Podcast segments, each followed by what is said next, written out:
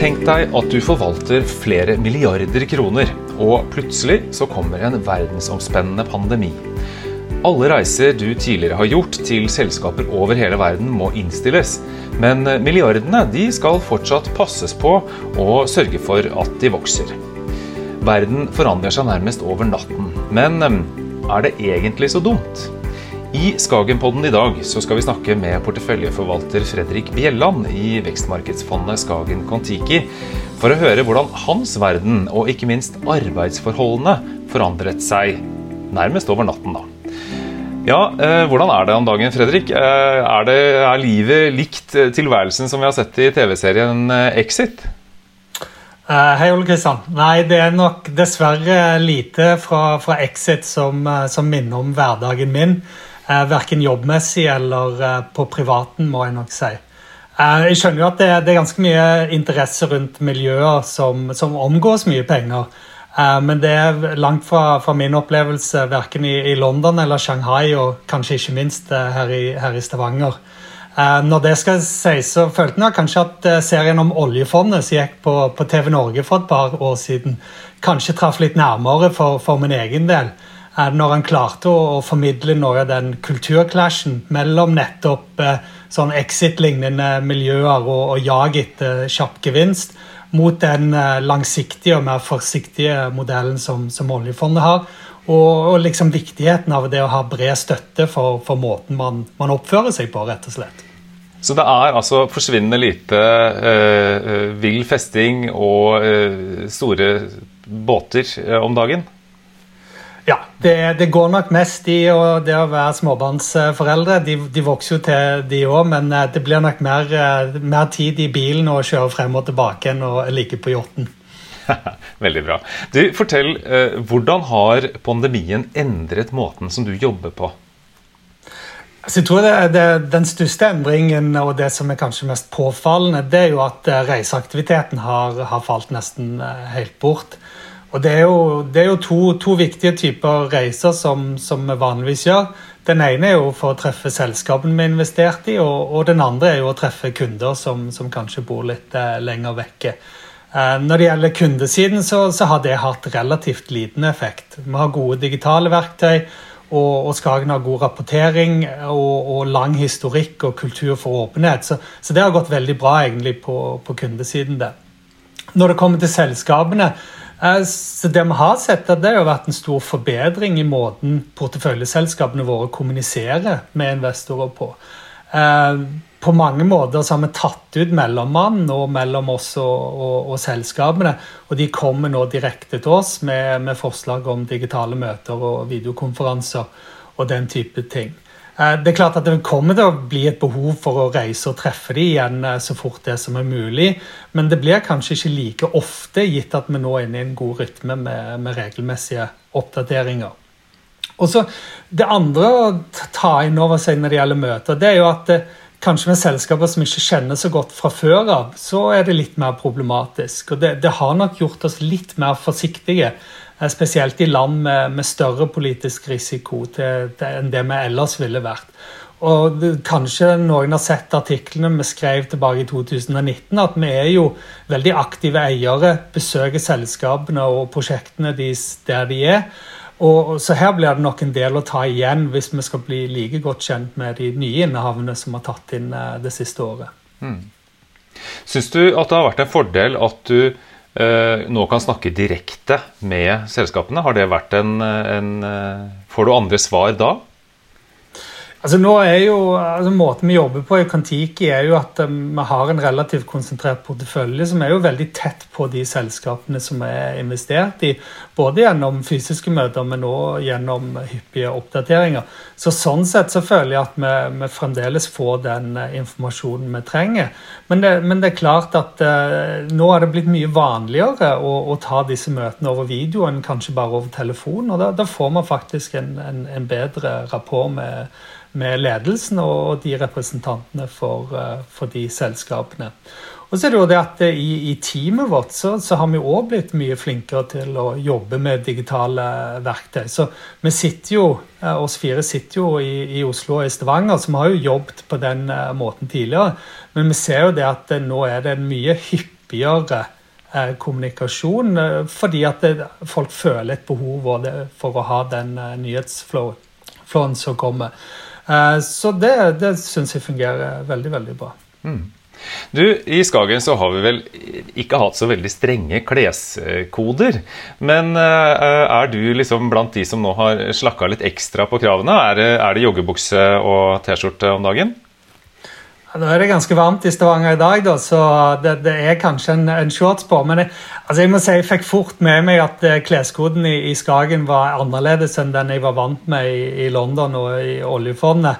Og Jeg troppa jo opp første dagen i, Stavanger i blådress, hvit skjorte og, og, slips for, for tre og et halvt år siden. Og da, Jeg tror det var Alexander Stensrud da, i Skagen Vekst som han ga vel det slipset en forventa levetid på tre dager, og, og, dressen to uker. Og jeg må vel si at akkurat de forventningene slo jeg med, med, med god margin. Men som jeg var inne på, altså de som har lest reisebrevene våre fra, fra gruvebesøkene i, i, Den demokratiske republikk Kongo og, og Mongolia fra i forfjor, så har de forhåpentligvis fått med seg at som, som en gammel ingeniør så, så, trives jeg like godt i kjeledressen 1000 meter under jorda som, som jeg gjør i blådressen i, i, City. Så jeg tror liksom som, som, med mange andre ting, så er det, det gjelder å kunne tilpasse seg etter forholdene. Og akkurat når det kommer til hjemmekontoret, så, så derfor kjører jeg ganske likt eh, til måten jeg har gjort det på, på kontoret. Og det er rett og slett fordi at jeg tror det er viktig å ha gode rutiner. Og det å beholde et eh, godt skille mellom jobb og hjem, eh, akkurat sånn som det er i forvaltningen generelt, sånn at man får, eh, får lada batteriene eh, innimellom. Det var En av de første sjefene mine i London som faktisk sa det tydelig fra at i denne bransjen så er det de som jobber på en måte som kan holde på lenger enn andre, det er de som gjør det best. Og akkurat der tror jeg det samme med, med avkastning og den gode rentes-rentes-effekten. Det er det samme når det gjelder erfaringer og, og lærdommer over tid. Så Derfor tror jeg også når du snakker om det med exit, det, det er kjappe penger og, og en, kanskje en litt mer heseblesende måte å jobbe på, er ikke det som gir best resultater over tid. Du, eh, Skagen Kon-Tiki, som du forvalter, eh, investerer jo i vekstmarkeder. Eh, og disse vekstmarkedene de lå etter de utviklede markedene i en god stund før pandemien traff oss. Hvordan syns du det har endret seg det siste året?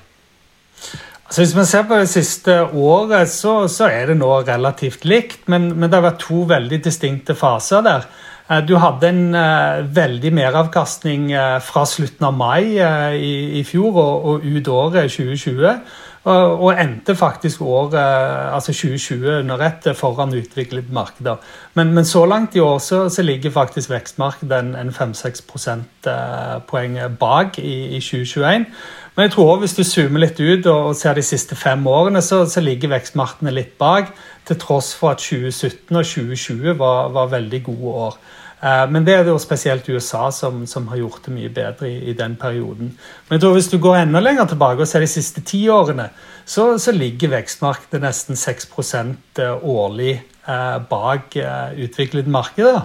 Og Noe av det er fundamentalt begrunna. Verdsettelsen for ti år siden var relativt høy, og utviklingen, spesielt utenfor Kina, har, har kanskje vært skuffende. Men det er nettopp den mindreavkastningen de, over en lengre periode som, som, har gjort at vekstmarkedene nå har blitt eh, veldig veldig billige i forhold til utviklede markeder. Så jeg syns det er spesielt spennende tid nå å se fremover. Det er jo ikke til å stikke under en stol at eh, en del av disse vekstmarkedsselskapene har hatt eh, skal vi si, utfordringer knytta til ESG, altså miljø-, samfunns- og selskapsstyringsspørsmål. Og En viktig oppgave eh, for Skagen da, som aktive eiere det er å følge opp disse selskapene. Hvordan syns du at du klarer å følge opp selskapene i dette perspektivet? Altså det, det, viktigste her for oss som, som aktive eier er jo å ha den eh, pågående dialogen. Uh, og det er klart at den, den har uh, alltid vært uh, både skriftlig og, og fysisk, og, og nå digital. Så på den måten så er det ikke så veldig stor endring måten vi jobber på. Og, det er klart at Hvis det er noe å ta opp med, med innehav, så, så, samarbeider vi jo med bærekraftsteamet, som, som vi kan støtte oss til. Uh, og vi har vår egen analyse i, i tillegg til de eh, eksterne leverandørene som, som, de fleste andre bruker. Men sånn som jeg var inne på tidligere, så, så har det vært vanskeligere å gå i dybden. Så det liksom å være Eh, on site og snakke med de som er ansvarlige for uh, samfunnsprogrammer uh, i Afrika og den type ting. Det, det, det, er klart at det er noe vi ikke har fått gjort på samme måten. Men så tror jeg også vi, vi må være såpass uh, ærlige og si at det, altså, vi drar jo ikke ned på disse gruvebesøkene og står og, og måler CO2-utslipp eller snakker med, med liksom hele lokalbefolkningen. Så det er klart at man er jo avhengig av å støtte seg til både myndigheter og, og, andre organisasjoner som er fokusert på dette. Det er jo hva vi gjør med den dataen som, som er det viktigste, og, og, det vi kan legge til eh, på egen hånd. Du nevnte eh, tidligere eh, dette med verdiselskaper. I Skagen så er jo forvalterne veldig opptatt av, av nettopp verdiselskaper. Eh, hva syns du kjennetegner et godt verdiselskap som du har lyst til å investere i? Altså det, det, perfekte verdiselskapet det er jo selvfølgelig et, et godt selskap med, med, en god posisjonering innenfor en attraktiv bransje. Og med en ledelse som, som, oppfører seg på en skikkelig måte overfor de ansatte, leverandører, konkurrenter, samfunnet og miljøet rundt seg. Og, og selvfølgelig òg mot, uh, mot, aksjonærer. Men, men, jeg tror det som er viktig her, det er at altså, for oss skal jo aksjen òg være billig. Eh, og det, med det mener vi jo at uh, altså, verdiene i dag kanskje ikke fullt reflektert uh, i aksjekursen, eller at den fremtidige verdiskapningen ikke godt nok tatt med i, i markedets uh, vurdering. Så det er klart at vi, vi vil jo helst uh, se at selskaper har muligheter for for god vekst fremover, og at det skaper aksjonærverdier. Men det er klart at der hvor vi kanskje skiller oss litt ut fra, fra andre som leter etter gode selskaper, det er at prisen vi er villig til å betale for det, er en viktig faktor i, i, i, i vår uh, helhetlige verdivurdering. Og Derfor tror jeg liksom når mange snakker om verdi mot vekst og den type ting, så, så det er ofte en misforståelse. for Da snakker man egentlig om en faktor. Altså En verdifaktor er at man kjøper de x prosent billigste selskapene i et marked, nærmest slavisk og at det har historisk sett gitt meravkastning. Måten vi praktiserer verdifilosofien eh, i, Skagen, det er jo det at eh, vi, vi vil ha selskaper som, som, oppfyller de kravene vi stiller til kvalitet, måten de oppfører seg på, og, og dermed eh, prøve å betale minst mulig for dem. Men vi ser jo ikke etter dårlige selskaper fordi at de er billige. Nei, det er ikke nødvendigvis en, en helt uh, lineær sammenheng mellom de to tingene. Altså Billige selskaper er ikke nødvendigvis uh, verdiselskaper. Hvis jeg forstår det riktig. Det, det, det, det, som trigger oss, det er jo at som oftest så er det en veldig god grunn til at en aksje er billig. Det som er spennende, er jo der hvor du finner at den grunnen ikke er spesielt god og har ingenting med selskapet å gjøre. Det er jo der mulighetene ligger for, for en aktiv forvalter. Veldig bra. Du, eh, det er jo sånn da at Pandemien har ikke bare hatt eh, negative konsekvenser. Eh, det har også skal vi si, ryddet opp i forholdet mellom verdi og mer typiske vekstselskaper. Og Det er jo noe som vi i Skagen har snakket om nå en stund. Denne rotasjonen. Altså endringen fra at investorer er mest, mest interessert i vekstselskaper Eh, men at det nå kan se ut til at verdiselskaper får en renessanse. Eh, I vekstmarkedene, hvordan ser det ut for eh, verdiselskapene fremover? Man, skal vel kanskje ha programmert som forvalter i Kon-Tiki til å se, si at det ser veldig bra ut, men, men, men det kan jeg med, med hånden på, på hjertet si.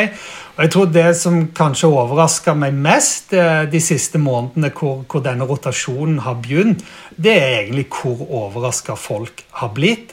For hvis man ser tilbake i historien, så er det alltid mindre selskaper eller såkalte verdiselskaper som gjør det best i utgangen av en resesjon og når verden henter seg inn igjen.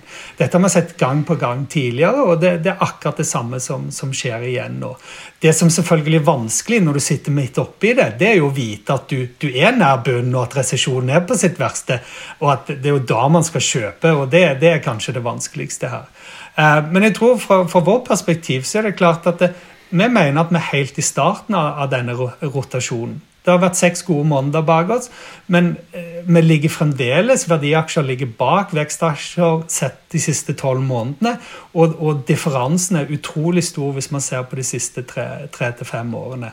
Og når man ser på verdsettelsesgapet, altså hvor mye mer ekstra betaler man for et vekstselskap vis-à-vis et såkalt eh, verdiselskap, så er den spreaden er, er, er høyere nå enn den har vært noen gang tidligere, bortsett fra når det toppa seg ut eh, i fjor. Så man betaler rett og slett mye, mye mer for fremtidig vekst i dag enn det man har gjort noen gang tidligere, bortsett fra i fjor. Og når man ser på vekstmarkedene spesielt, så, er de i tillegg historisk billige. Så de handles på en rabatt på rundt 30% mot utviklede markeder.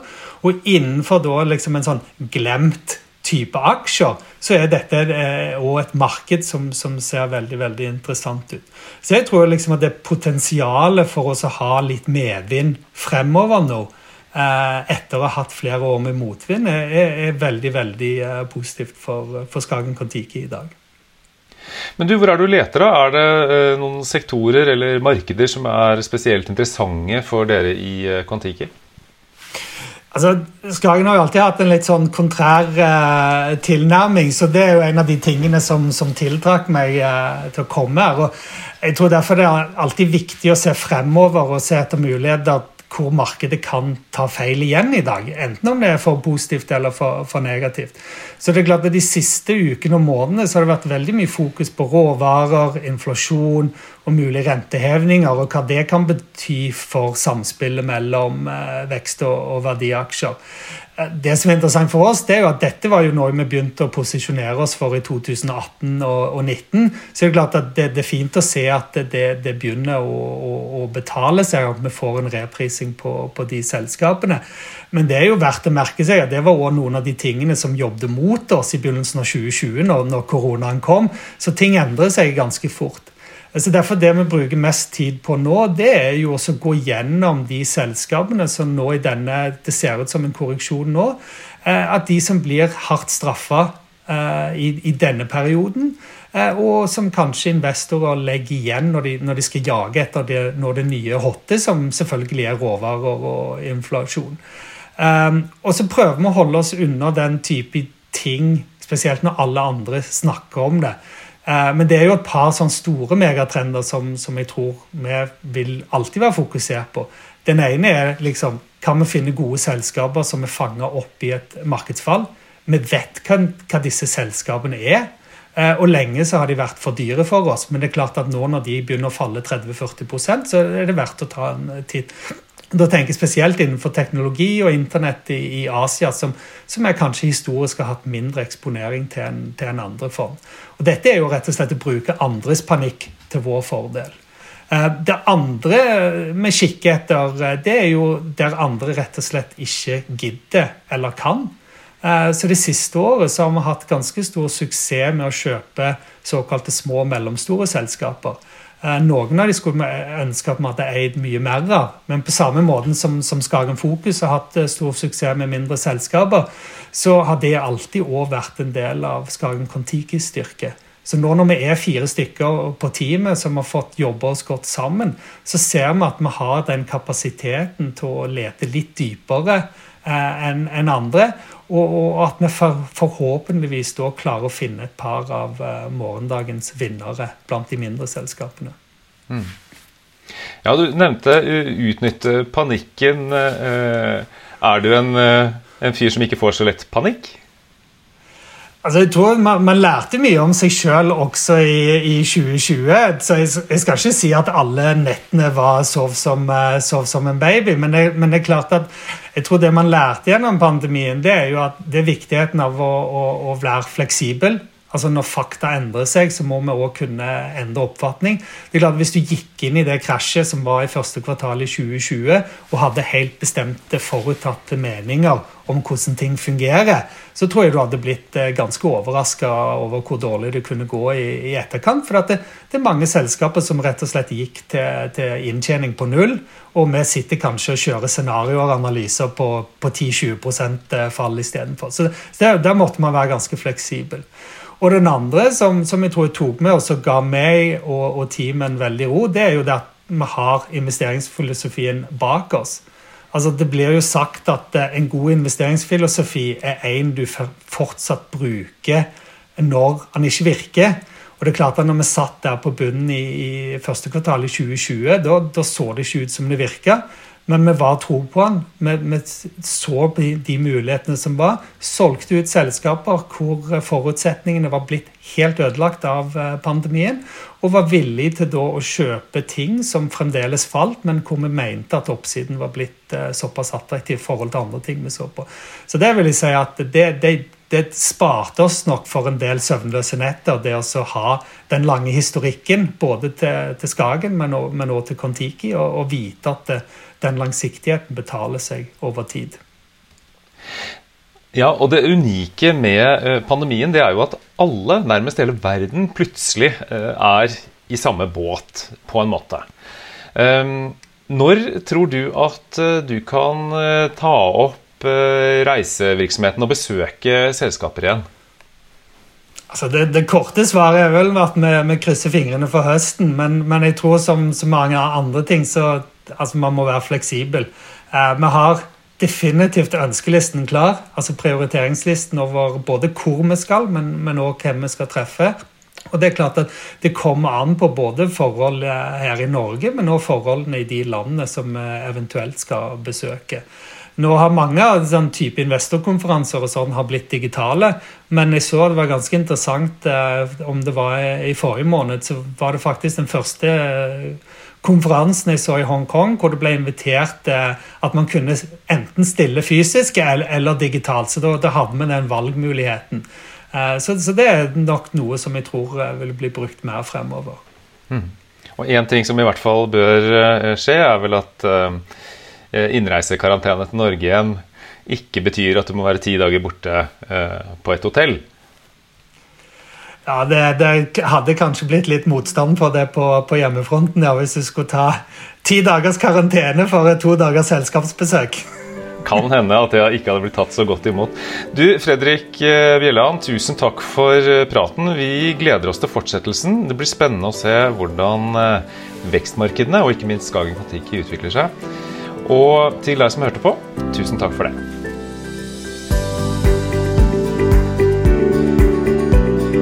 Historisk avkastning er ingen garanti for fremtidig avkastning. Fremtidig avkastning vil bl.a. avhenge av markedsutviklingen, forvalterens dyktighet, fondets risikoprofil og forvaltningshonorar. Avkastningen kan bli negativ som følge av kurstap. Mer informasjon om kostnader og mer om fondene finner du på skagenfondene.no.